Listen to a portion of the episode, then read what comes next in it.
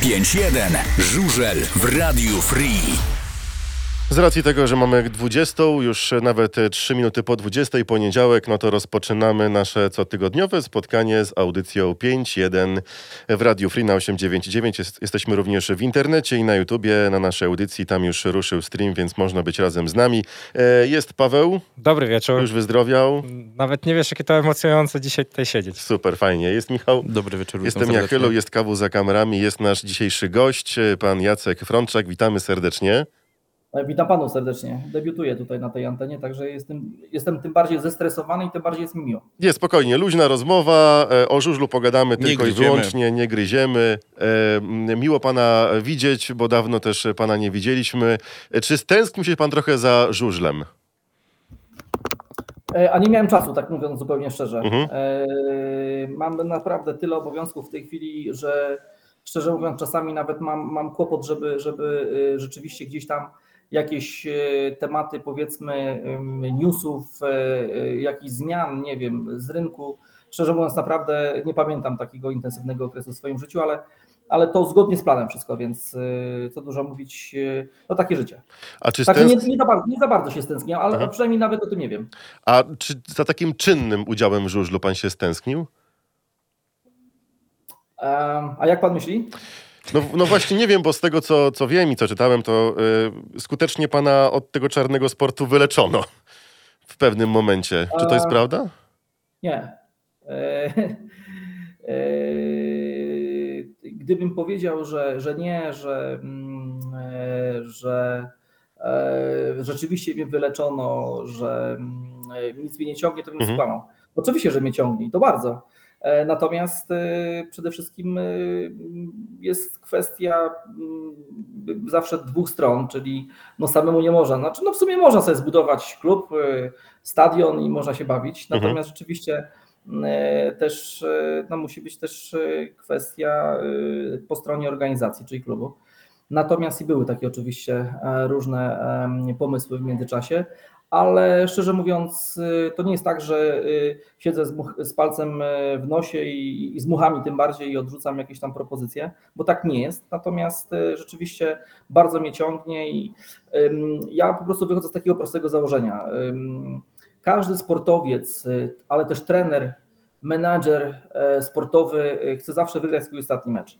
Ja tego na razie póki co nie mogę o sobie powiedzieć i dlatego tym bardziej e, w głowie cały czas e, jest ten temat, żeby chociaż na jeden dzień, na jeden mecz spróbować to rozstrzygnąć na własnych warunkach i po prostu to wygrać. I wtedy rzeczywiście może się zastanawiać, a czy doszło do pełnego spełnienia. Także, Tak. no co dużo mówić, no ciągnie, no pewnie, że ciągnie. To ja tutaj zadam pytanie, bo- bo wspomniał pan o tym, że chciałby pan wygrać ten ostatni mecz. I teraz w czyich barwach bardziej? Apatora Toruń czy Falubazu Zielona Góra? Czy kogoś innego zupełnie?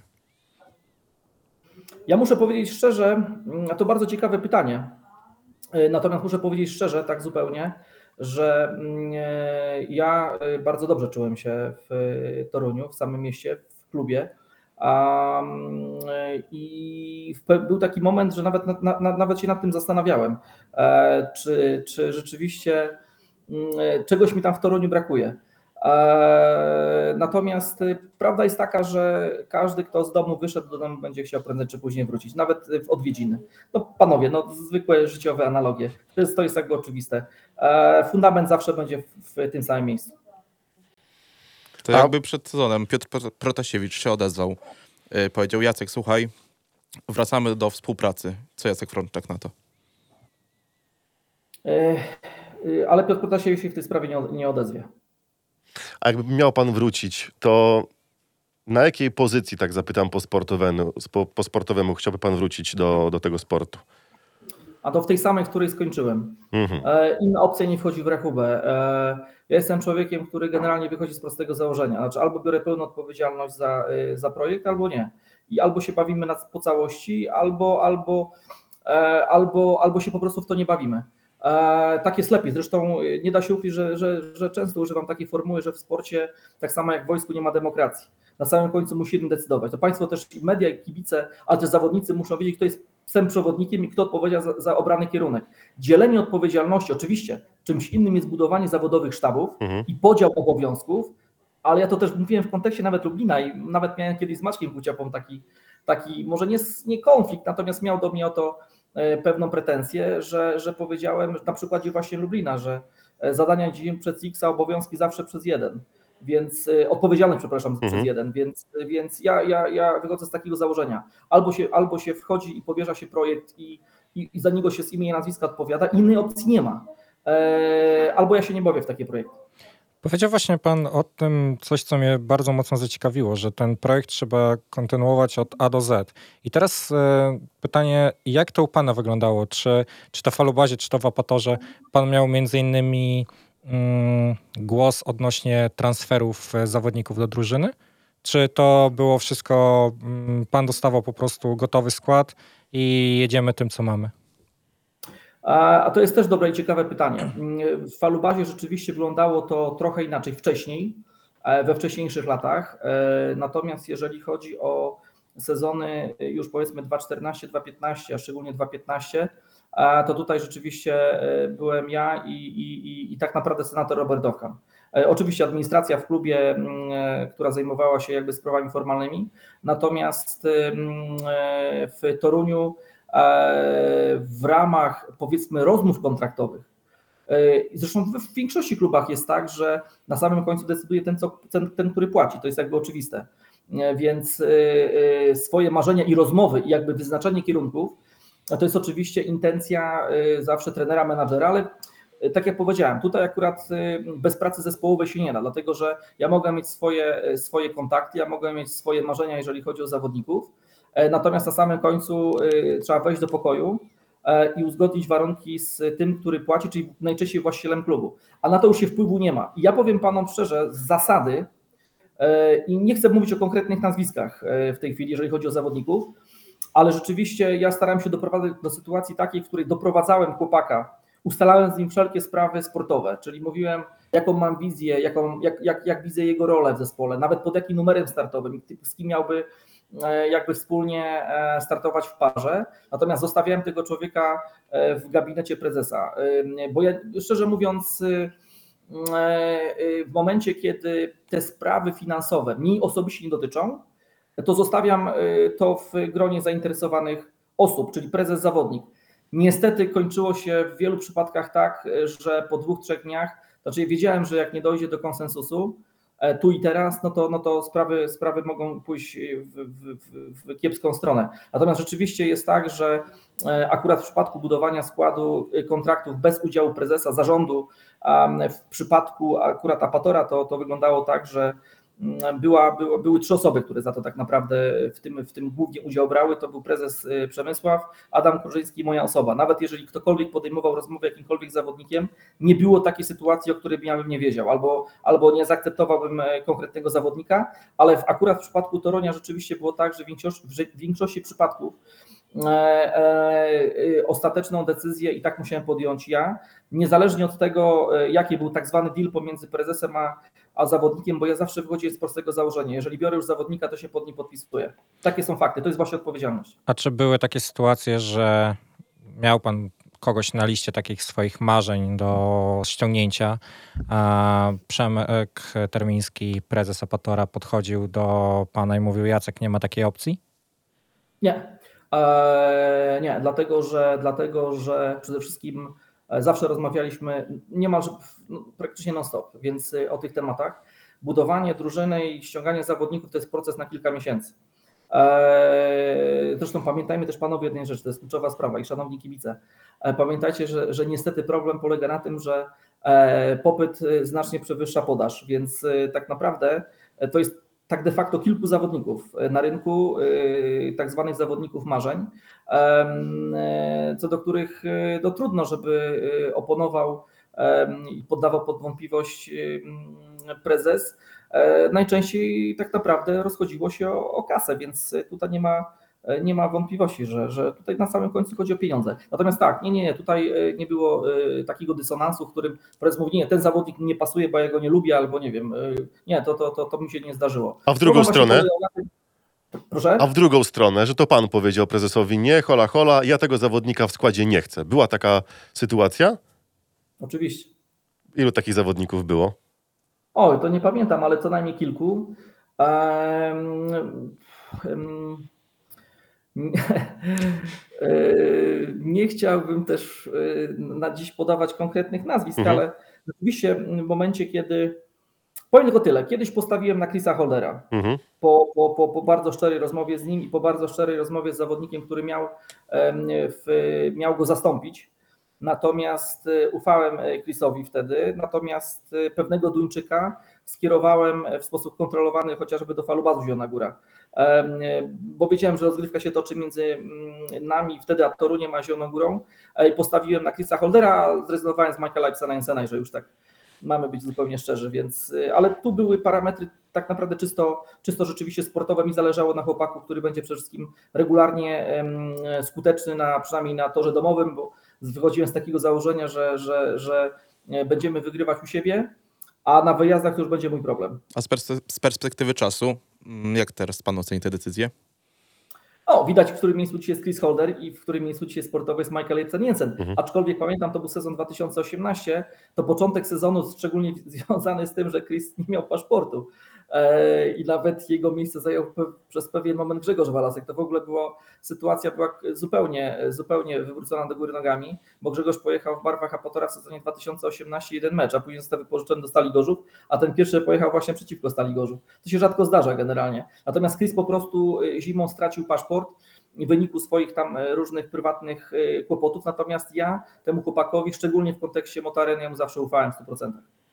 Z Motareny, skoro już jesteśmy przy y, klanie holderów, y, przechodzi do Lublina Jack Holder i wielu kibiców w Lublinie ma taki znak zapytania, no bo Bartek Zmarzlik, Bartek Zmarzlik, Fred Kalingren, Fred Kalingren, ale Jackie Holder tak... y, Wiemy, jak pojechał ostatni sezon w Toruniu. Tam ostatnie mecze miał dobre, ale raz nawet nie zdążył pod taśmę.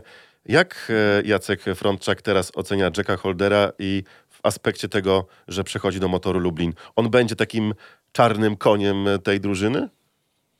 A przede wszystkim najpierw zacznę od jednej e, kwestii, mianowicie ja nie do końca w przypadku Jacka Holdera jestem obiektywny. Mhm. Zresztą to nieopodal e, z moim najmłodszym synem, mał- moja małżonka pracuje w tej chwili, e, dlatego powołałem się na nią też i zawsze jej mówiła, że nie można patrzeć na mnie przez, znaczy patrzeć na Jacka przez pryzmat mój, dlatego że to jest zawsze Jackuś, to jest Jackuś pana Jacka i tutaj zawsze będzie miał e, odpowiednie prerogatywy inne niż pozostali zawodnicy w, w jakby moim systemie decyzji. E, Oczywiście to nie jest do końca prawda, natomiast miałem słabość do tego zawodnika wynikającą z dwóch powodów. Po pierwsze, e, e, zawsze to jest tak, że jak e, zawodnika sprowadza się do ligi, e, tak naprawdę e, nikt o nim wcześniej tak do końca nie słyszał, znaczy nikt go w Polsce jakby nie widział. E, A e, mówiąc wprost, potrzeba jest matką wynalazków. E, A to, że e, jak przyszedłem do Torunia, to, to klątwa mojego pecha, który, który, który już e, jakby od końcówki pracy w Falubazie, mnóstwo kontuzji i tak dalej. Ja szczerze mówiąc podpisałem umowę w Toruniu, a trzy dni później straciłem dwóch zawodników. Grega Henkocka e, i Adriana Miedzińskiego, a tydzień wcześniej Paweł Przedpełski złamał nogę w Anglii. W związku z tym połowa składu mi wyleciała, a tak naprawdę przyszedłem na bardzo prosty projekt. Adam Kuryzycki pamiętam jak mi mówił, mówi Jacek, to jest projekt skazany na sukces, my musimy tylko coś wizerunkowo tutaj poprawić, masz dwa mecze u siebie, oni już są wszyscy zdrowi, wszystko będzie super. Podpisałem umowę i trzy dni później nie wiedziałem, co mam, co mam, co mam z oczami robić. E, I rzeczywiście e, zorientowałem się wcześniej, jeszcze miałem wtedy Facebooka, e, i zakonotowałem sobie, że niejaki mm, Bartek Konarzewski, obecny aktualny mechanik Jacka Holdera, wcześniej pracował i u Piotrka Protasiewicza i u Grześka Walaska. No nie da się ukryć, że y, Bartka Konarzewskiego, y, Welko Konara y, poznałem podczas jednej e, z imprez y, międzymeczowych y, odbywających się w Zielonej Górze lat kilkanaście temu Em, y, i od tej pory mieliśmy ze sobą kontakt. Gdzieś mi tam na Facebooku mignęło, że jednak Bartek odszedł od Grześka i poszedł do Jacka Holdera, gdzieś tam do, do, do, do Anglii. E, I w sytuacji, kiedy rzeczywiście pamiętałem o tym, że on ma e, podpisany kontrakt w Toruniu, ale nie miał e, wówczas jeszcze zgody na starty w Polsce, dlatego że startował w dwóch klubach brytyjskich, no postanowiłem to odkopać i, i zadzwoniłem do Bartka, e, dał mi do telefonu Jacka, no i tak przy pomocy rzeczywiście tutaj, e, przy dużym udziale też Przemka Teremińskiego, bo trzeba było zapłacić kupę kasy wtedy, za ściągnięcie Jacka, e, chociażby na jeden mecz e, e, Rady Nadzorczej Toruńskiej, która, która wynegocjowała e, z promotorami brytyjskimi e, e, samą zgodę, dlatego że miał zablokowane terminy niedzielne. E, Wówczas sloty nie działały. E, no i ściągnąłem chłopaka na trening piątkowy, pamiętam, przed meczem w Lesznie wyjazdowym. Pożyczyłem silnik od Grega Hancocka, notabene silnik od Ryszarda Kowalskiego. Podwozie od brata Chrisa, wynająłem samochód z busa do, do, do, do Leszna i tak chłopaka ściągnęliśmy. Jak ja go zobaczyłem w piątek na treningu na motarenie, pierwszy raz wyjechał w tym sezonie na tamten tor wówczas, na pożyczonym silniku, no to wiedziałem, że to jest rzeczywiście, to, to, to jest właściwy kierunek i powiem szczerze, tak troszeczkę byłem zaskoczony, że nikt go wcześniej w Toruniu nie spróbował, mimo serii porażek. Mhm. No i rzeczywiście jeden z najlepszych debiutów tak, w historii Ekstraligi, jak nie najlepszy, bo tam było 16 punktów z bonusami. E, no i tutaj mówię, tutaj ta relacja już taka pozostała, zresztą z Jackiem w kontakcie jestem cały czas. E, e, bardzo polubiły go moje dzieciaki, które regularnie odwiedzały jakby parking w sobotę E, kiedy jechaliśmy powiedzmy w niedzielę mecze, w sobotę byliśmy rodzinnie zawsze, zawsze całą rodziną w Toruniu już. E, ja powiem tak, jeżeli tam e, poukładane zostaną sprawy sprzętowe, nie w zakresie jakości sprzętu, tylko odpowiednich ustawień, co pokazały też Mistrzostwa Australii, to macie kompletnego zawodnika, z którego będziecie mieli pociechę, bo to jest taki chłopak w takim wieku, w którym każdy jego progres cieszy dwukrotnie kibiców, sztab, a poza tym, to jest niezwykle ważne i mamy analogię, w kontekście relacji e, e, e, chociażby Jacka i Bartka, już z Gorzowa sprzed dwóch sezonów, kiedy to procentuje naprawdę bardzo mocno. Ta, ta, ta, ta posiadanie Bartka i ta relacja, jestem o tym przekonany, mistrz Australii 2023, myślę, że będzie dla Was dużym, dużą pociechą i frajdą z oglądania tego chłopaka. On ma kilka bardzo ciekawych parametrów, przede wszystkim to jest bardzo dobry startowiec, tutaj akurat rodzinnie chyba tę cechę mają, natomiast to jest chłopak, który gryzie tor do końca. Warunek jest taki, żeby był szybki. A czy taka zmiana środowiska też będzie dla niego na plus? Bo dało się chyba zauważyć, że trochę za długo siedział w tym Toruniu. Znaczy, y, szanowni Państwo, to tak często jest, że, że mm, próbujemy budować tego typu analogie, a tak naprawdę w stosunku do innych historii, ja tutaj zawsze podaję przykład Janusza Kołodzieja sprzed ponad 10 lat i jego przejścia z Ternowa do Leszna. E, I to jest tak, że mm, to, to, czasami działa, czasami nie. Natomiast dlaczego Jacka Holdera nie ma dzisiaj w Toruniu? Nie ma go dzisiaj w Toruniu, ponieważ jest po słabym sezonie. Mhm. E, e, tak naprawdę, nazywajmy rzeczy po imieniu. E, Robert Lambert, e, dotychczasowy U24, już nie jest U24, bo też chłopak e, kończy ten, forma, ten format startów. E, wraca Emil Saifuddinow i, i zrobiło się za ciasno, no, więc z oczywistych powodów Jack musiał sobie szukać klubu. E, i całe szczęście, że trafił do klubu ekstraligowego, do mistrza Polski, bo akurat tak się też złożyło, że Lublin akurat był w potrzebie wynikającej chociażby z, odejścia Michaela Mikkelsena czy Maksyma Drabika. Ten, ten, ten skład jest mocno przebudowany, więc y, to z całą pewnością zaprocentuje, ale myślę sobie, że tak zwane zmęczenie materiału, wiecie jak to jest, to tak samo jak, jak, jak kiedyś Grzesiek Walasek powiedział, jak mu opowiadałem historię o psychologach, a mówisz co, to jest wszystko fajne, to co mówisz, nie? Ale daj mi szybki silnik, to ja ci udowodnię, że psycholog jest niepotrzebny. I tak samo jest tutaj. E, jak będzie szybki, czy jak byłby szybki, to byśmy nie budowali historii o zmęczeniu materiału. Jak będzie szybki w Lublinie teraz e, i zrobi progres, o czym jestem absolutnie przekonany, to powiemy, że zmiana otoczenia na to wpłynęła. Ale jest coś w tym rzeczywiście, że, że nowe środowisko, ale bardziej pod kątem takiego know-how. Bo to tak samo jak e, z, z rozwojem, że tak powiem, w przyrodzie. No, krzyżujemy gatunki, czy w ramach gatunków, tylko po to, żeby się rozwijać. Więc tak naprawdę y, podróże kształcą nowe punkty widzenia y, sztabu szkoleniowego, y, inni mechanicy, tutaj u Was lubelscy, którzy coś tam podpowiedzą. Być może trochę zdywersyfikuje bardziej kwestie sprzętowe. Ja myślę, że tak, że tutaj patrząc na to, że jak jest naładowane, bo rozmawiałem przed świętami z chłopakami z jego teamu przy okazji składania życzeń, to mówili, mówili mi rzeczywiście, że, że środowisko sponsorskie bardzo fajnie zareagowało i cały, cały klub, także oni są bardzo pozytywnie bojowo nastawieni. To będzie dobry sezon w jego wykonaniu. A jak już jesteśmy przy składzie motoru i przy, to, przy, tych nowych nabytkach, to co by pan powiedział o Fredce Lindgrenie? No bo to też jest zawodnik, który nie miał wybitnego sezonu w Częstochowie. Wiemy, że przechodzi Mikkel Mikkelsen. W ogóle te dwa transfery, Bartosz Zmarzik i Mikkel Mikkelsen, to takie kamienie w e, spokojną taflę jeziora, które wzruszyły fale i te transfery się posypały chyba nie było chyba takiego sezonu, no, żeby tyle, już nie no i jeszcze poszło. Mimo wszystko myślę, że Piotrek Pawlicki do Sparty Wrocław to też takie bardzo mocne nazwisko, które gdzieś przeszło. No tak, ale jest Fredka. Czy myśli pan, że to może być taki AJ tych czasów, który też przyszedł z Częstochowy, też do Lublina i też rozwinął skrzydła? A Frydyka Ingrena też muszę przyznać, że znam dość dobrze. Może Mhm. już nie bardzo dobrze, kiedyś bardzo dobrze, bo, bo, bo, bo razem mieliśmy okazję pracować w falubazie e, i zdobywać tytuł mistrza Polski, wicemistrza Polski. E, Myśmy sobie w ogóle nie wyobrażali sytuacji, w której Freda nie będzie u nas. On w zasadzie był jak, niemalże jak wychowanek, bo przychodził do nas też debiutując e, w polskiej lidze i, i od razu z wysokiego C.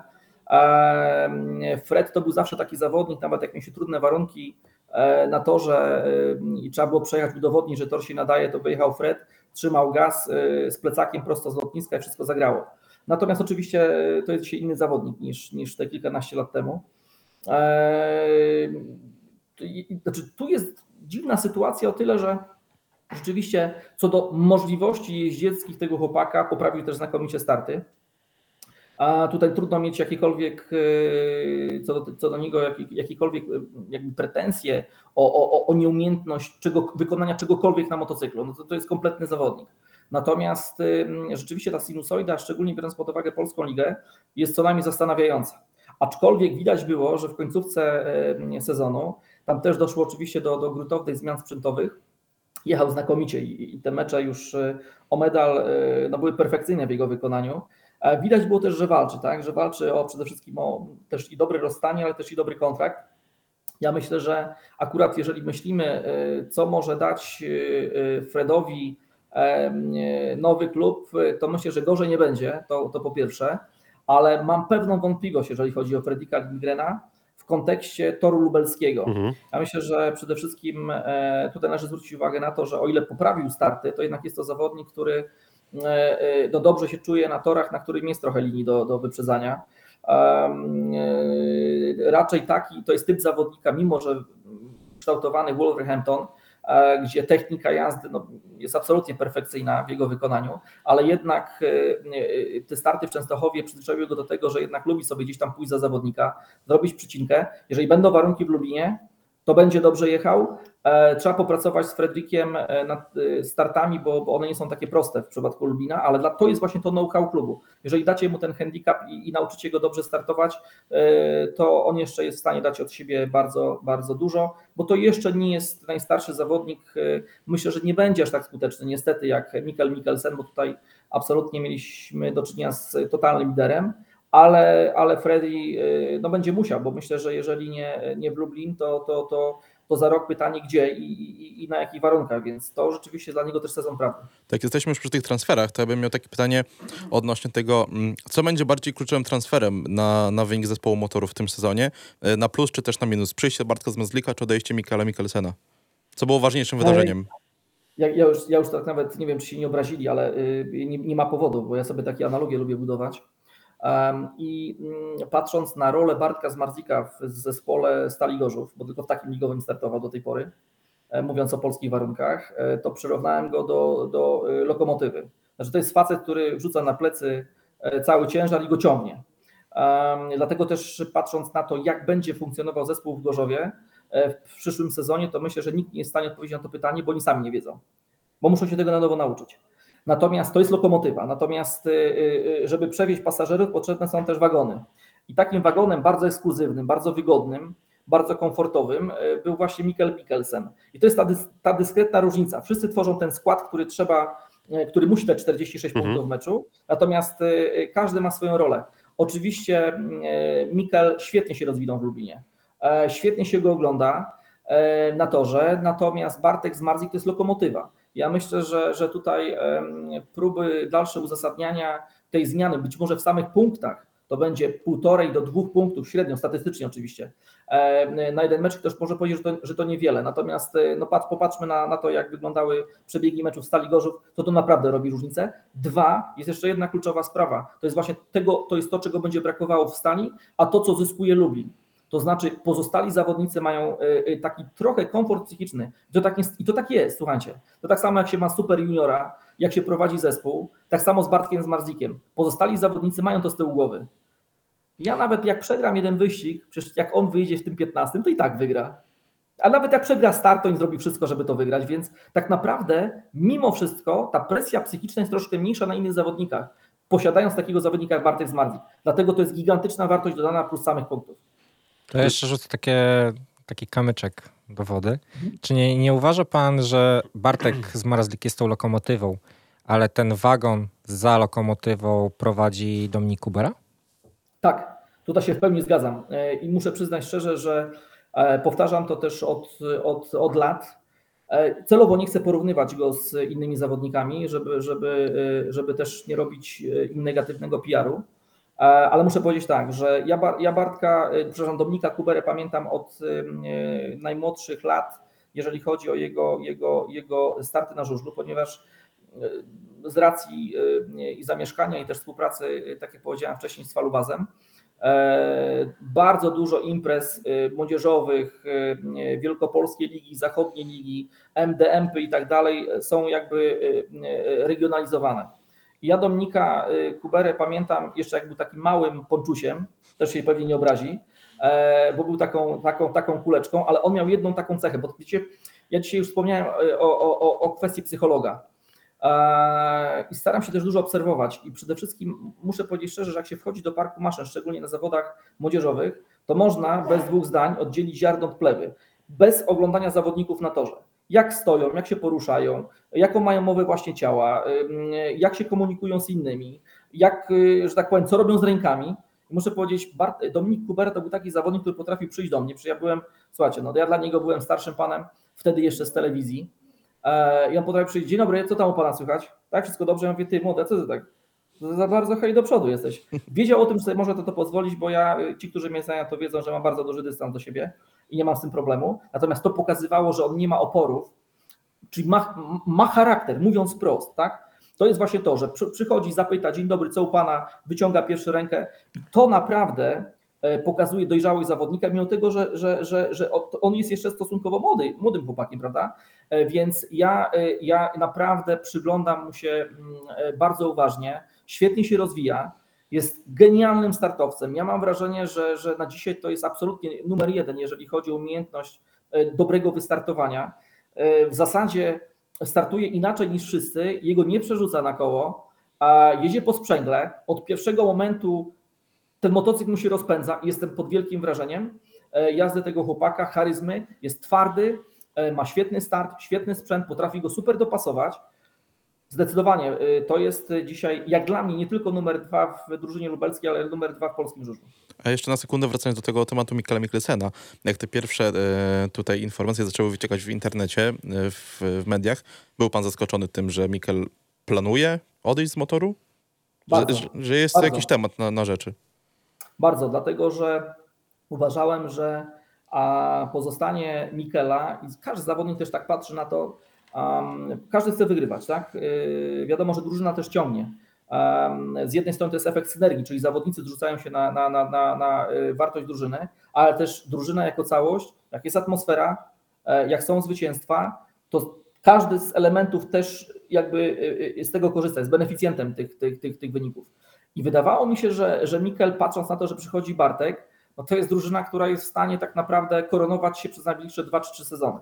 E, I, i, i, i dziwiłem się trochę, że, że, że e, taką decyzję podjął, ale z drugiej strony e, nie trafia do dużo gorszego zespołu potencjalnie. Tak naprawdę różnica w mojej ocenie jest na poziomie formacji juniorskiej na dzisiaj i ona, ona, ona będzie tutaj w dużym stopniu decydująca. Na torze, na którym Mikel potrafi się świetnie, że tak powiem, odnaleźć, bo, bo on też lubi, lubi, lubi gdzieś tam zakrążyć, y, y, lubi się rozpędzać, szerzej przycinać i tak dalej, więc y, Częstochowa da mu te, te, te, parametry, ale nie czarujmy się.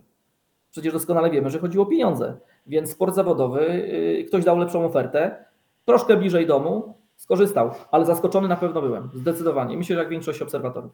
A żeby, jak gdyby Jacek e, e, był teraz e, w Toruniu i dowiedział się, że idzie Wiktor Lampard, to co by pan e, zrobił? Byłby pan zadowolony, że Wiktor przychodzi, żeby się w, na motorenie porozwijać? Ja się uśmiecham dlatego, że pod Wiktora Lamparta robiłem podejścia właśnie jak byłem w Toruniu, zanim Mhm. przyszedłem do Lubina.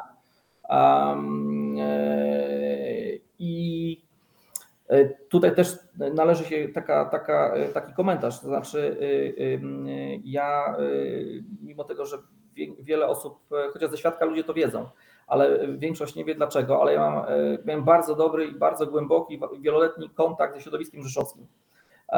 właśnie przez Macieja, który startował w barwach Falubazy, tutaj się poznaliśmy w klubie. E, Później jak się Maciej przeniósł do, do Rzeszowa, to y, zaczął mi do domu sprowadzać, czyli jadąc Via Zielona Góra na prom do Szwecji, Rafała Trojanowskiego, Jacka Trojanowskiego, Dawida Lamparta, y, y, całe mnóstwo chłopaków przez nasz dom się przewinęło. W związku z tym ja to środowisko doskonale znałem, tych chłopaków znałem bezpośrednio. Myśmy też rodzinnie często odwiedzali Rzeszów. Ja pod Wiktora podchodziłem, zresztą powiem, może zdradzę pewną tajemnicę, ale byliśmy swego czasu w Falubazie, byli bardzo blis, bliscy pozyskania Karola Barana i bardzo blisko byliśmy pozyskania Dawida Lamparta właśnie, jeszcze jak był juniorem. W związku z tym z Dawidem y, nazywałem go, y, nazywałem go demonem, bo parę razy taki numer wywinął gdzieś tam w Gorzowie. E, I z Dawidem miałem bardzo dobry kontakt. Ja obserwowałem karierę Wiktora i chciałem go ściągnąć do Torunia kilka lat temu, tylko że mm, wtedy e, następował pewien przeskok, jeżeli chodzi o kwestię e, wyceny juniorów. E, I, i, Wiktor i Kuba e, Miśkowiak e, już wtedy byli bardzo drodzy, a jeszcze jakby rynek e, i jakby nasza świadomość e, wówczas jeszcze za tymi kwotami nie do końca podążała. Więc jeżeli chodzi o Wiktora Lamparta, e, jeżeli miałby pozostać w Ekstralidze i mieć komfort jazdy, to właśnie w Toruniu, ze względu na to, że to jest chyba tor, na którym Wiktor się najlepiej czuje. Więc podstawowa sprawa dla Wiktora to jest taka, żeby opanować kwestię skuteczności na, na, na, na swoim domowym torze, bo, bo tam, ma, tam, ma tą, e, tam ma pewną jazdę w dobrym zespole, zespół też go będzie ciągnął do góry. Natomiast y, w Lublinie byłby z tym y, pewien kłopot. No co tu dużo y, mówić. Jest tutaj konkurencja, wiadomo jaka, więc y, decyzja dobra. Myślę, że tutaj y, należą się też podziękowania dla zarządu, dla Kuby Kępy, który w interesie y, samego zawodnika no, nie blokował tego, tego transferu. Więc y, z całą pewnością dobra, racjonalna z punktu widzenia interesu młodego chłopaka decyzja. A też nie jest żadną tajemnicą, że w kręgu zainteresowań toruńskiego klubu był też Jan Kwech, który ściga się w Folubazie. E, Jakby to od pana zależało, to który z tych zawodników by trafił do Torunia? A ja się wypowiadałem na ten temat dla Radia Zielona Góra wielokrotnie. A zresztą to mnie Przemysław Termiński swego czasu powiedział, że chyba w sierpniu, że w zasadzie Jana Kwecha tą już ma. Podczas jednej z takich rozmów, takich, takich typowo towarzyskich. A I rzeczywiście tak było. Później Janek się wycofał z tego transferu. Natomiast ja y, też tutaj konsekwentnie będę mówił y, y, swoje, że Janek Kwech to nie jest zawodnik, który e, e, e, który mnie jakoś e, zachwyca, jeżeli chodzi o styl jazdy. E, Bardzo fajny chłopak, świetnie się pokazał podczas drużynowego, przepraszam, podczas Sonu, nie drużynowego Pucharu Świata, tylko podczas Sonu e, Wojens i tam sobie tak naprawdę zrobił, e, zbudował kapitał. Natomiast jest jeden podstawowy problem, jeżeli chodzi o kwestie ekstraligowe. Słabe starty.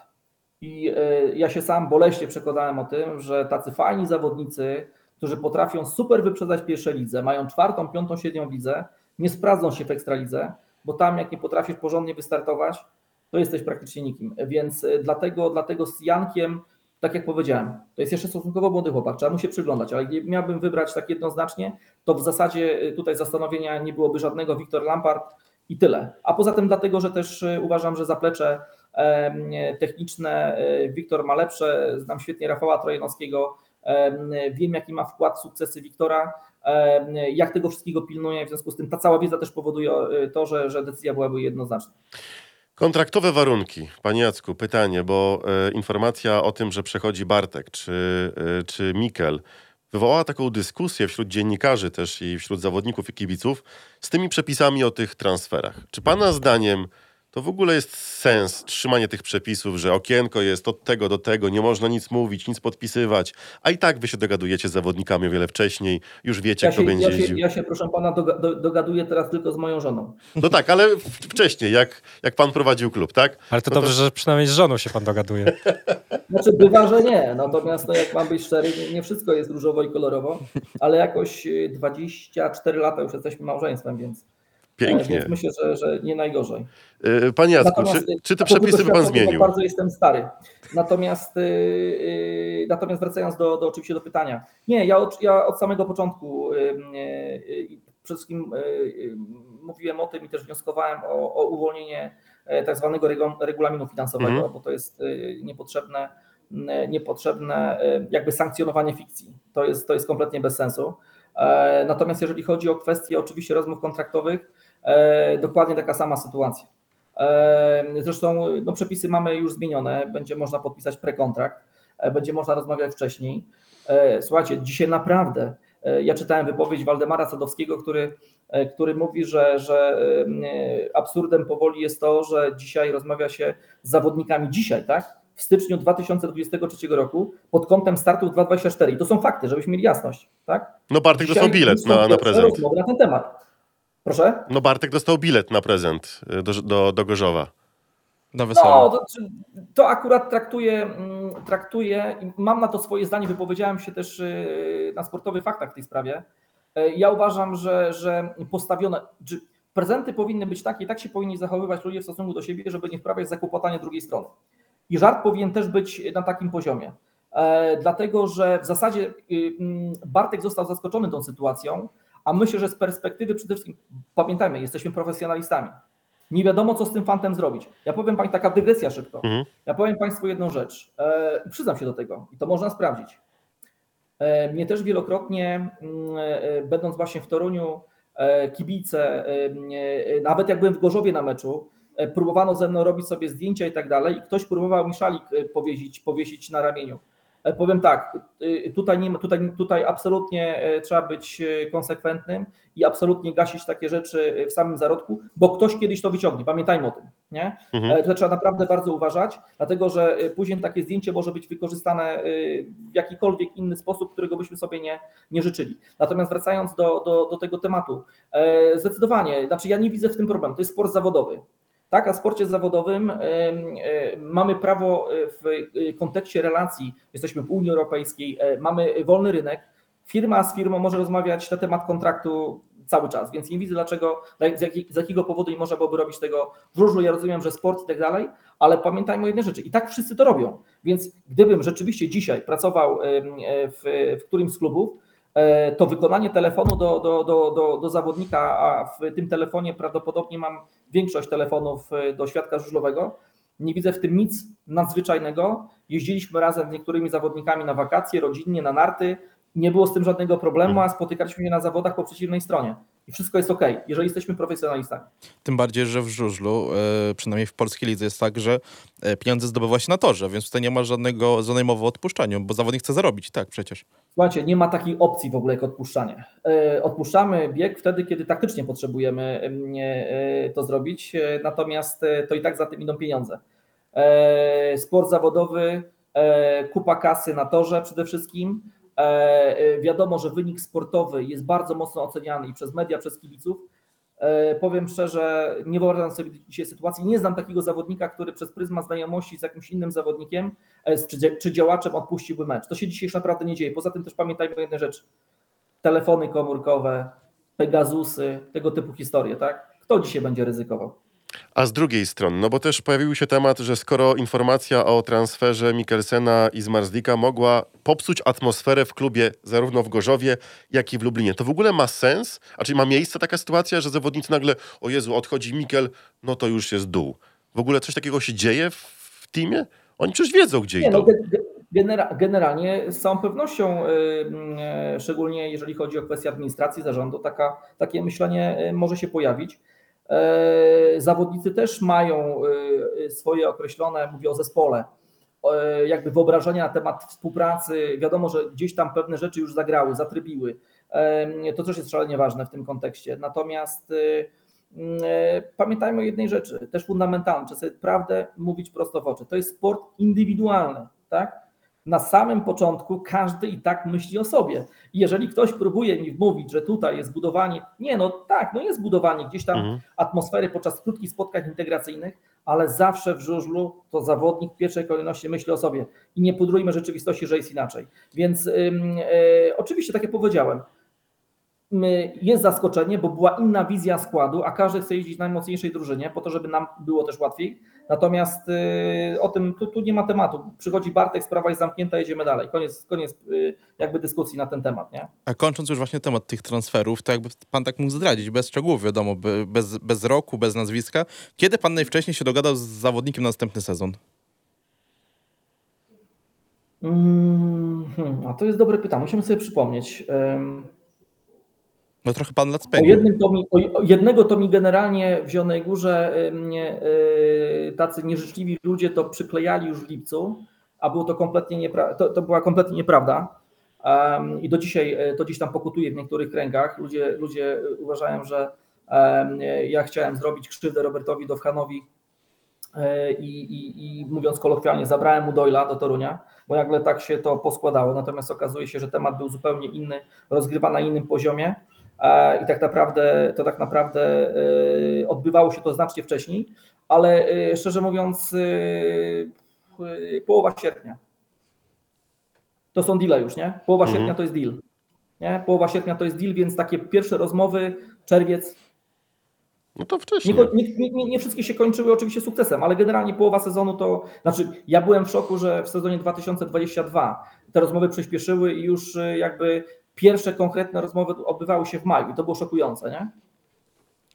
E, Ja chcę teraz poruszyć temat, bo powiedział już pan wcześniej odnośnie Fredki, że przyjechał z plecakiem e, z lotniska od razu praktycznie gotowy do jazdy. Teraz odnośnie odpuszczania e, biegu w, pod kątem taktycznym. I chciałbym się pana zapytać, tak, czy pamięta pan, co się wydarzyło 9 sierpnia 2015 roku? W województwie lubuskim. 9 sierpnia 2015 roku. A, to chyba w Gorzowie byłem wtedy. Tak Chyba jest. tak. To był ten słynny mecz, gdzie Dercy Ward prosto z lotniska przyjechał tak naprawdę na stadion. E, zdobył 20 punktów i ten jeden punkcik to było odpuszczenie biegu przez niego, żeby było można zastosować e, rezerwę taktyczną. I Mhm. tutaj po pierwsze chciałbym się zapytać, czy takie sytuacje często się u pana zdarzały, że zawodnik po prostu wiedział, co ma robić na torze? A po drugie chciałbym, żeby pan no, troszkę więcej powiedział o Dersim, bo co by nie mówić, troszkę pan z nim powspółpracował. W szczególności w tym Znaczy, feralnym sezonie 2015. Znaczy to było 6 tygodni, z tego co ja policzyłem, nawet niecałe. Natomiast 6 tygodni, które, w których wydarzyło się tyle e, historii, tyle zdarzeń, że e, przez połowę życia czasami, e, bo zacznę od końca, e, przez połowę życia tego sportowego można nie mieć okazji przeżyć. Natomiast niestety okazji też i tragicznych i tego nikomu nie życzę. Natomiast muszę powiedzieć szczerze na samym początku, że byłem zaskoczony, jakby to była wersja 2.0, Darcy Ward 2.0. Co do tego nie ma wątpliwości. Przyjechał do mnie inny zawodnik niż ten, którego znaliśmy przed zawieszeniem. W sensie motorycznym, fizycznym, mentalnym, sprzętowym, pod każdym względem. Stuprocentowy profesjonalista. I tu było duże zaskoczenie in plus. E, komunikacja pomiędzy nim i właśnie e, m, taką m, jego, jego podejściem. On też wiadomo, że wchodził w bardzo trudnym momencie, byliśmy po całej masie kontuzji i on wchodził jako takie koło ratunkowe. Natomiast e, ja, nie- ja pamiętam, że zadzwoniłem do Sławka Kryjoma w sprawie Darciego, bo już byliśmy ze Sławkiem, wtedy już zaczęliśmy ze sobą rozmawiać, bo między 2.13 a 2.14,5 to nie, z wiadomych powodów. Um, natomiast i mówię, Sławek, znasz go lepiej, pracowałeś z nim, powiedz mi, jak go obsługiwać. A on mówi, wiesz co, ale on jest bardzo prosty w obsłudze, bo on jest bardzo komunikatywny. On w kontekście drużyny numerów startowych z tym nie ma żadnego problemu. Ja mówię, czyli nie ma żadnych takich y, jakby, bo chciałem sobie zrobić skrót, tak? No po co mam wyważać otwarte drzwi? Mhm. Natomiast i rzeczywiście nie, muszę powiedzieć szczerze, że bardzo szybko z nim złapałem bardzo dobry kontakt. E, Mimo tego, że ja e, byłem e, e, świadkiem wydarzeń w pierwszej osobie z sezonu 2009 na motorenie tak zwanego podeptanego szalika falubazu. I to też nie było dla nas łatwe. Natomiast złapaliśmy bardzo szybko kontakt, aczkolwiek mu powiedziałem, że, że jakby wybaczamy, ale, ale pamiętamy. I ja mu to powiedziałem wprost. Mówię, ja tego nie zapomnę, bo nie mogę. Bo tak było, no stary, zrobiłeś lipę i, i, i tutaj nie ma, nie ma co do tego wątpliwości. Kibice Bo też zawodowcami. Przyjechałeś zrobić konkretne zadanie i, i powiem szczerze, od pierwszego treningu. On mnie tylko prosił o jedną rzecz później, bo wskoczył pod numer dziewiąty, e, bo musiał, bo, bo, bo jakby wszedł w, już po awizacji składu i on mówi, słuchaj, mam do Ciebie jedną prośbę. Jeżeli mogę, ja wie spoko, e, wal śmiało. On mówi, słuchaj, e, nie lubię jeździć po równaniu toru. Skuteczniejszy jestem wtedy, kiedy już trochę jest nawierzchni na zewnętrznej. Ja mówię, stary, ale to trzeba o tym rozmawiać, bo ja też muszę wiedzieć, jakie ty masz e, jakby preferencje, dlatego że to jest e, zawsze podniesienie wydajności zawodnika. I później startował z nieszczęsną trzynastką i piątką, nie? E, właśnie z tego powodu. E, natomiast świetnie, świetnie mi się z nim pracowało. Ja e, w zasadzie muszę powiedzieć szczerze, że miałem z nim kontakt przez 7 dni w tygodniu. Po każdej Szwecji, po każdej Anglii pisał o silnikach, o serwisach, o tym, jak mu się jeździło i tak dalej. Także a w tym pamiętnym meczu no, trzeba było zastosować taką historię, bo dysponowałem, mówiąc trzema zawodnikami punktującymi, bo jechaliśmy ZZ-ką, czyli miałem czterech seniorów, tak de facto, a e, ten czwarty senior, który rok wcześniej zrobił 18 punktów, a wcześniej 17, Grzegorz Walasek, w tym meczu nie zdobył punktu. E, I wiedziałem, że jeżeli to się będzie rozstrzygało, to był mecz, który rozstrzygał nasze być albo nie być w playoffach, a tak naprawdę rozstrzygała się sprawa, sprawa medalu. Ja to wiedziałem, ponieważ wiedziałem, że wraca Patryk Gudek, to był właśnie jego pierwszy mecz. Mając Darcy'ego Warda w takiej formie, to już miałem projekcję tego, co się będzie działo w playoffach. Eee, I postawiłem wszystko na jedną kartę i powiedziałem im to przed 13 biegiem. Tam nie było w ogóle dyskusji, eee, co mają robić, bo jechał w tym, w tym biegu i Andreas Johnson i Darcy Ward. I tutaj nie było tematu. Decyzja zapadła w 5 sekund. Jeżeli dobrze pamiętam, to chyba pan w którymś z wywiadów o tym wspominał, nie wiem czy nie w czarnym charakterze, przypadkiem, który był nagrywany na Dersim Wardzie, że przed tym feralnym wypadkiem Dersowi, Dersiemu y, na treningu przed meczem nic nie pasowało, że na mecz przyszedł, przyszedł, a nie przyjechał, jak było zawsze miejsce, y, jak to miało miejsce zawsze. Czy z perspektywy czasu, jak tak patrzymy na te wszystkie wydarzenia, jak pan tak patrzy na ten cały układ tych kilku dni, to można powiedzieć, że coś wisiało w powietrzu? Że coś złego się może zdarzyć? Wie pan, y, no ja jestem osobą wierzącą i praktykującą ale nie, nie, nie, nie, nie, nie nazwałbym siebie ekstremistą religijnym, żeby była jasność. Mm, ale y, mm, jakby też interesuję się taką strefą, sferą jakby metafizyczną. I y, nie chcę o jeszcze innej rzeczy szerzej mówić, bo ona byłaby kompletnie szokująca dla wszystkich. To na razie jeszcze zostawię dla siebie, bo, bo, bo ciężko o tym, o tym się mówi. To gdzieś być może ujrzy światło dzienne, bo są świadkowie też tych wydarzeń. Eee, ale mogę tylko powiedzieć w skrócie, ktoś mi przepowiedział y, ciężki wypadek y, w tamtym sezonie, młodego zawodnika. Eee, usłyszałem taką, zanim Darcy do nas przyszedł, ja miesiąc wcześniej usłyszałem taką, przez przypadek zupełnie, osoba przez przypadek skontaktowała mnie z tym człowiekiem, który chciał mi to powiedzieć. Osoba, mogę powiedzieć tylko tyle z pierwszej strony gazet, jeżeli chodzi o sport w Polsce. I to nie chodzi o żużel absolutnie osoba z pierwszej strony gazet. I, e, I taki telefon dostałem i, e, i prośba była taka, żeby zrobić e, rewizję dat urodzenia moich zawodników. To się odbywało na początku czerwca i mnie powiedziano, że zdarzy się coś bardzo tragicznego w Jonej Górze. I pan to dopiero połączył po wypadku Dirsiego? To zaczęło nabierać kształtów? To zaczęło nabierać kształtów, jak podczas tej samej rozmowy ta osoba powiedziała mi, że w ciągu tygodnia mój zawodnik zostanie mistrzem świata. Mhm. Tak się też stało. I tak z perspektywy czasu, e, patrząc na to, co się też stało z Dersim, e, jak ciężki to był okres dla pana, przede wszystkim tak pod względem mentalnym? Tragiczny. To bez, nie ma co opisać tak naprawdę. Ale e, też przypominam sobie, że Faluba z TV z tego meczu, jak wrzucił relację taką, co, co, co po każdym meczu jest, pokazał, że pierwsze wiadomości na torze chyba nie były aż tak tragiczne. Wie pan co? Yy, a ja wiedziałem, że są tragiczne. Od razu wiedziałem, że są tragiczne. Yy, yy, ja dopytywałem ratownika medycznego tylko dlatego, bo chciałem się mylić. E, bo chciałem się mylić, nie byłem przy nim od pierwszego momentu, to ja wiedziałem, jak, jak się zachowuje jego ciało. E, I, i, no, lekarz, który go e, zaopatrywał wówczas, intubował, i, i, i, mm, no to jest mój przyjaciel, tak? Więc ja byłem, ja, ja wiem, co ja mówiłem i wiem, jakie informacje też otrzymałem zwrotnie, a wiem, kiedy doktor mówi prawda, kiedy uprawia że tak powiem, e, dyplomację. Tu nie trzeba. Ja, ja, przede wszystkim, ja byłem przy zbyt dużej ilości wypadków e, zawodników na to, że miałem okazję e, jakby nastawiać kości na to, że mimo tego, że o tym nawet nie wiedziałem do końca. Widziałem sterczące, połamane uda, e, i wiem, co to znaczy, naprawdę, proszę, wiem, wiem, co to znaczy złamany kręgosłup. Wiedziałem, że tam jest lipa, bo nie było napięć, na, na, napięcia mięśniowego w, w górnej, górnych, e, górnej części ciała, więc e, widziałem, jak pracuje przepona, widziałem wszystko. Wiedziałem, że jest lipa. E, Miałem tylko nadzieję, że, że e, to jest tylko tak zwany szok rdzeniowy, że to, że to za chwilkę minie po kilkunastu minutach i takiej e, informacji, na taką informację czekałem, natomiast nie doczekałem się. Może zadam ciężkie pytanie, jeżeli pan nie chce, to nie musi pan na to odpowiadać.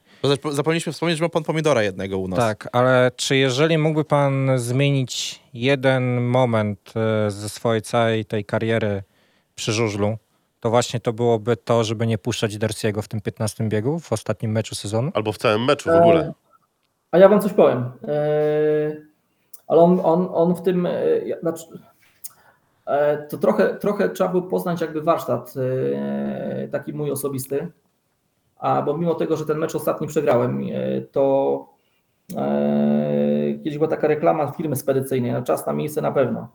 E, Jeżeli mm, jakby y, chcielibyśmy w trzech słowach dokładnie scharakteryzować to, jak pracuję, to to jest dokładnie to. To jest planowanie, planowanie, czas planowanie. Horyzontem krótkim, średnim i długim.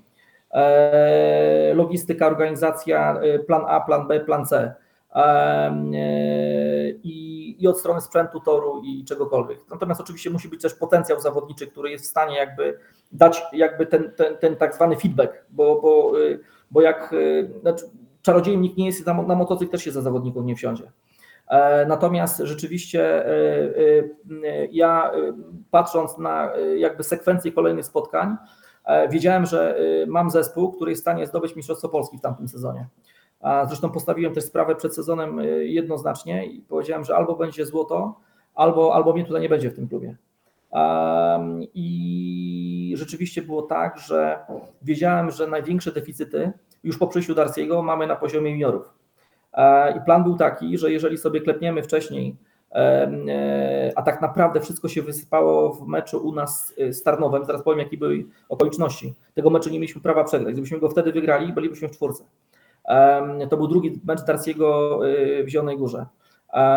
I plan był taki, że w tych ostatnich meczach, po już pewnym awansie do czwórki, e, biegi nominowane e, jadą, wszystkie biegi nominowane jadą juniorzy w dwóch ostatnich spotkaniach, dlatego że to jest największa e, wartość dodana, którą jesteśmy w stanie zbudować. I to oni są nam potrzebni. I taki był plan. Darcy by w życiu w tym biegu nie pojechał, od razu mówię. Mówiłem o tym też kilka lat temu. Em, Natomiast e, e, e, tam też mm, e, E, Była taka myśl, żeby, żeby pojechali jednak juniorzy, tylko wiedziałem, że to jest ostatni bieg sezonu. E, Fatalnego, w, w jakby, jeżeli chodzi o wynik, bo zajęcie piątego miejsca dla mnie było wstydem. Ja nie potrafiłem ludziom w oczy spojrzeć, żeby była jasność. Tym bardziej, że e, myśmy w czwórce byli, e, w sensie sportowym i punktowym, tylko nam punkty odebrano w wyniku zawieszenia poprzez zażycie THC Aleksa Loktajewa e, i zabrano nam wywalczony bonus w meczu w Toruniu, notabene w Toruniu, w, trudzy, w trudzie i w znoju trzema zawodnikami. E, I to było bardzo dla mnie e, takie bolesne. Także e, gdyby e, normalnie w miarę e, szczęśliwie wszystko się toczyło, czyli zgodnie z planem, to e, Darcy Ward nigdy w życiu w tym biegu by nie pojechał. Był zupełnie inny plan.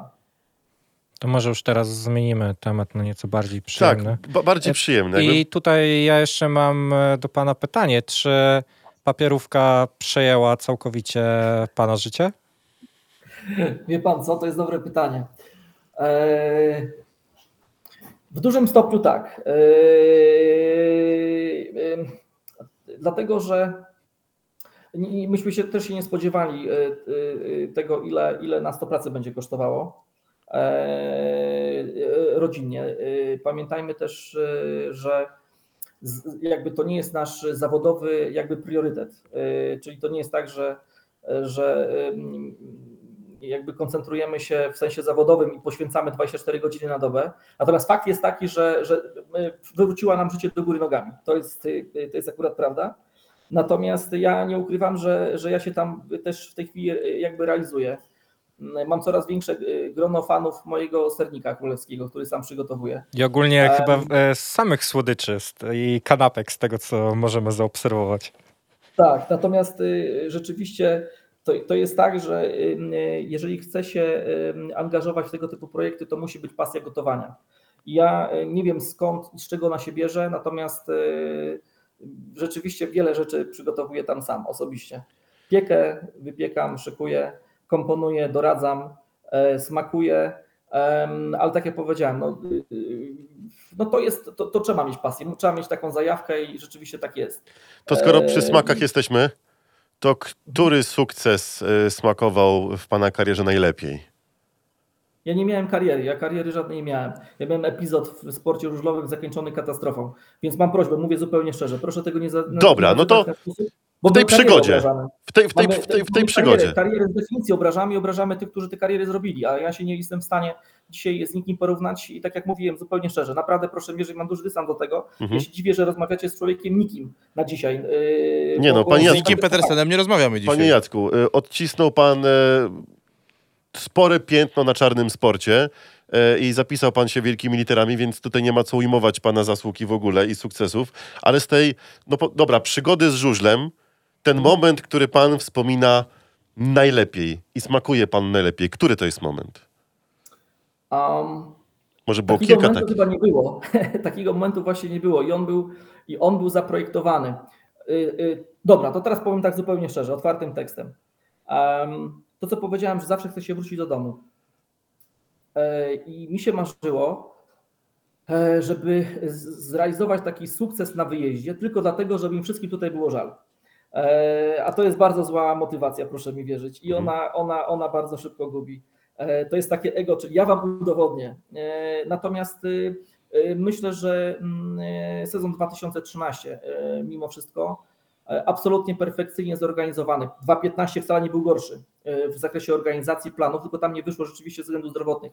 Ale mi się marzył taki właśnie to, co powiedziałem na samym początku. Ten taki egoizm, który każdy z nas ma, ale nie wszyscy się potrafią tego przyznać ja chciałem, żeby to był właśnie taki mój sukces, żeby ludzie mnie nosili na rękach, żeby mówili Jacek, to dzięki Tobie. No to teraz się z tego śmieję oczywiście, e, ale taką miałem motywację e, i chciałem zrobić to wszystko sam, żeby było wiadomo, kto za, ten, za, to, wszystko, za, tym wszystkim, za to wszystko odpowiada. I trzeba też pamiętać jednej rzeczy. E, dzisiaj mam odwagę się do tego przyznać, mówić o tym otwarcie. I też mam jakby takie poczucie, że gdybym dzisiaj wrócił do żużla, to w zasadzie bardziej bym się z tego wszystkiego śmiał, aniżeli wtedy ta, to takie nadęcie i tak dalej. Natomiast rzeczywiście sezon 2.13 to miał być sezon, który miał być zakończony fantastycznym finałem w Zielonej Górze. 18 tysięcy ludzi. Myśmy mieliśmy, e, e, mówiąc wprost, e, przybić tytuł po rewelacyjnym sezonie, w którym wszystko nam się super układało. Świetnie wykorzystywane rezerwy w postaci Patryka Dudka. On wraca po ciężkim wypadku i jest kluczowym zawodnikiem zespołu i, i finał się nie rozegrał. I to wszystko, i taki maraz, i ten złoty medal, wszystko było niby fajnie, świetna impreza w klubie nocnym, wszystko fajnie, natomiast tydzień później się nagle okazuje, że ja, mówiąc kolokwialnie, siedzę na ławie oskarżonych, bo ja podpisu jakiegoś nie miałem na zgłoszeniu, bo y, wszystko mi Krzysiu Mejze pozabierał. Mhm. I nagle się okazało, że y, ktoś próbuje podważyć to, czy ten mecz się w ogóle rozegrał czy powinien być walkover i nie wiadomo, i, i tak naprawdę ja za to, ja dostałem tysiąc złotych kary panowie za to jeszcze. To jest w ogóle jakiś absurd. Ale rzeczywiście od strony sportowej sezon 2-13 był absolutnie najlepszy. Czekałem na 2-15, bo chciałem, żeby to wyglądało jeszcze lepiej, jeszcze, jeszcze, jeszcze perfekcyjniej, żeby to było bardziej moje. Ale tego nie doczekałem. To tak już na koniec jeszcze na chwilę zahaczę o tą gastronomię. No, byśmy Próbował... mogli jeszcze tutaj rozmawiać ze 4 godziny. To, zanim gastronomia, to wiesz, jeszcze... Wiesz, jakie pytanie chcę zadać? To, to za chwileczkę. Dobra. Bo powiedział pan, że pan planuje krótko, średnio i długoterminowo.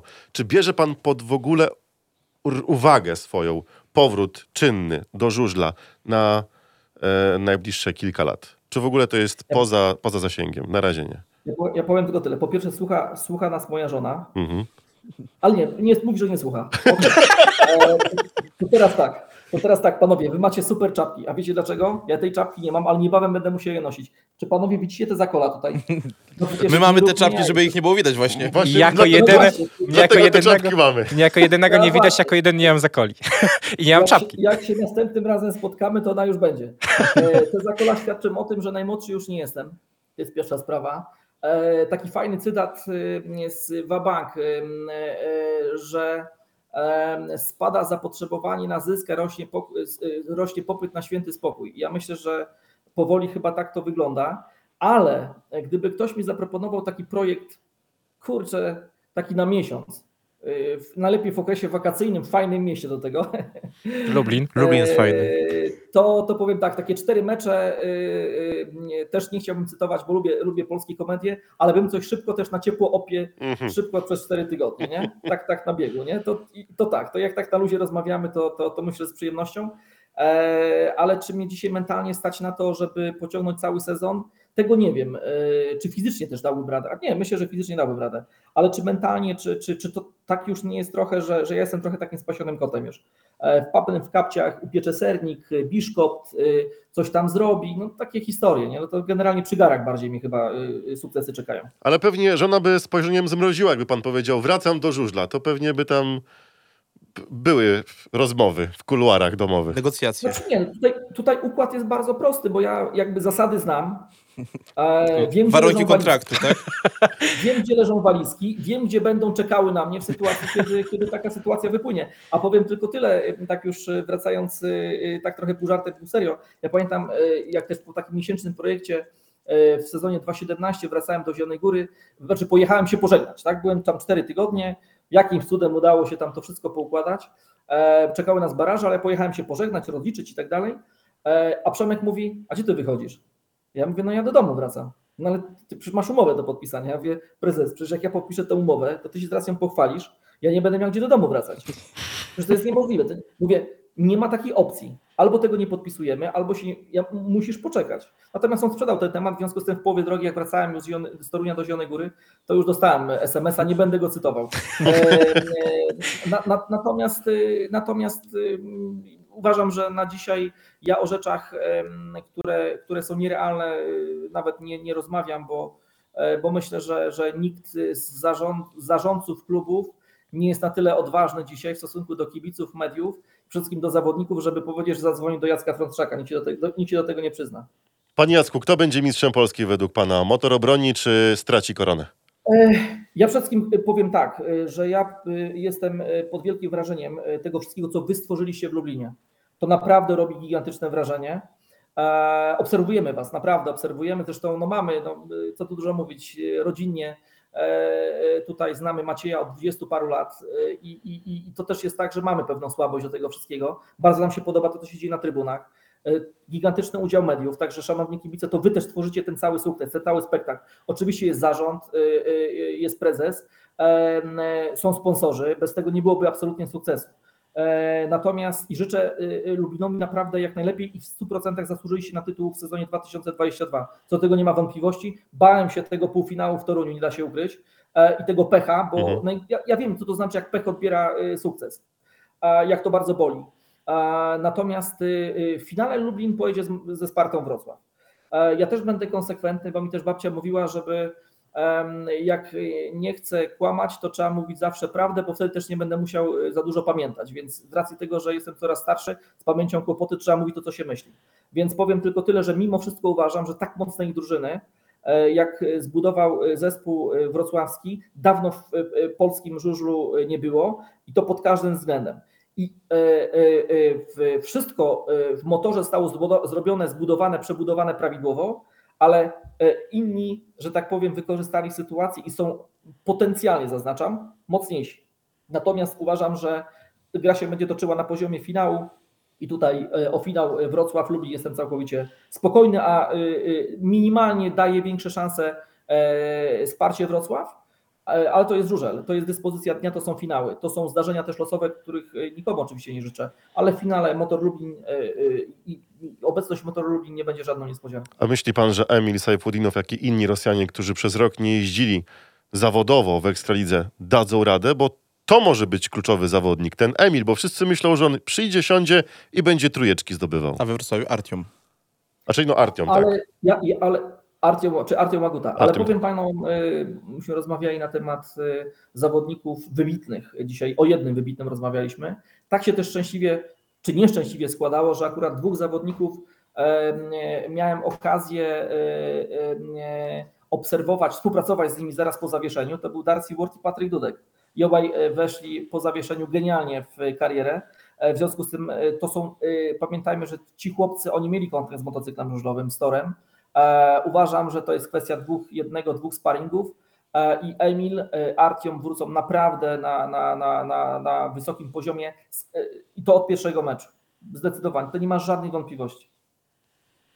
Mamy jeszcze, czy... No ostatnie pytanie chciałem to gastronomiczne No o cebularza gastronomiczne. zadać. Czy miał pan okazję próbować lubuskiego cebularza? E, Tak, O. tak, oczywiście. Ja raz byłem w Lublinie, Maciej, Maciej mnie zaprosił e, na stary rynek e, do, do restauracji, tak, i próbowałem zdecydowanie. Zresztą w ogóle muszę powiedzieć szczerze, e, raz tam byłem i, i muszę powiedzieć szczerze, że Starówka i całe miasto w ogóle zszokowało mnie jakby atrakcyjnością turystyczną. Byłem, byłem pod wielkim wrażeniem tego, jak wygląda Lublin. Miałem zupełnie inne wyobrażenia na temat tego miasta. Fantastyczne miasto, świetna Starówka, świetne jedzenie regionalne naprawdę muszę powiedzieć szczerze, że, że no, pozostało mi to w pamięci. Tak, próbowałem, znakomity.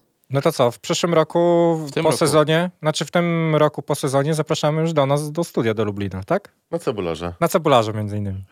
E, Tam są zupełnie przyzwoite połączenia e, od jakiegoś czasu e, lotnicze, lotniczo e, powiedzmy autostradowe i wbrew pozorom to, co mówi się też na temat Bartka, że jak to będzie wyglądało, logistyka i to jest prosta sprawa. Nie ma w ogóle tematu. Panowie, bardzo dziękuję oczywiście. E, Postaram się skorzystać. Mam nadzieję po fecie mistrzowskiej. Bardzo, bardzo dziękujemy Panie Jacku, że dzisiaj poświęcił nam Pan ten czas wieczorem. Antena nie jest z gumy, niestety. Byśmy Tak. jeszcze mogli ze trzy godziny porozmawiać. E, Dziękujemy jeszcze nieraz. Nieraz będziemy się do Pana odzywać, bo w głowie jeszcze mnóstwo innych e, e, pytań. Tak więc dużo zdrowia, spokoju i żebyśmy się na trybunach jak najszybciej spotkali. Wszystkiego dobrego panowie, jeszcze raz dziękuję za zaproszenie. Jeszcze raz to powiem, świetnie się bawiłem. Dziękujemy Dziękuję bardzo. Dziękujemy bardzo. i zapraszamy za tydzień. Pięcieny wróć jak zawsze w Dobranoc. poniedziałek. Wszystkiego dobrego. Magazyn żużlowy 5.1.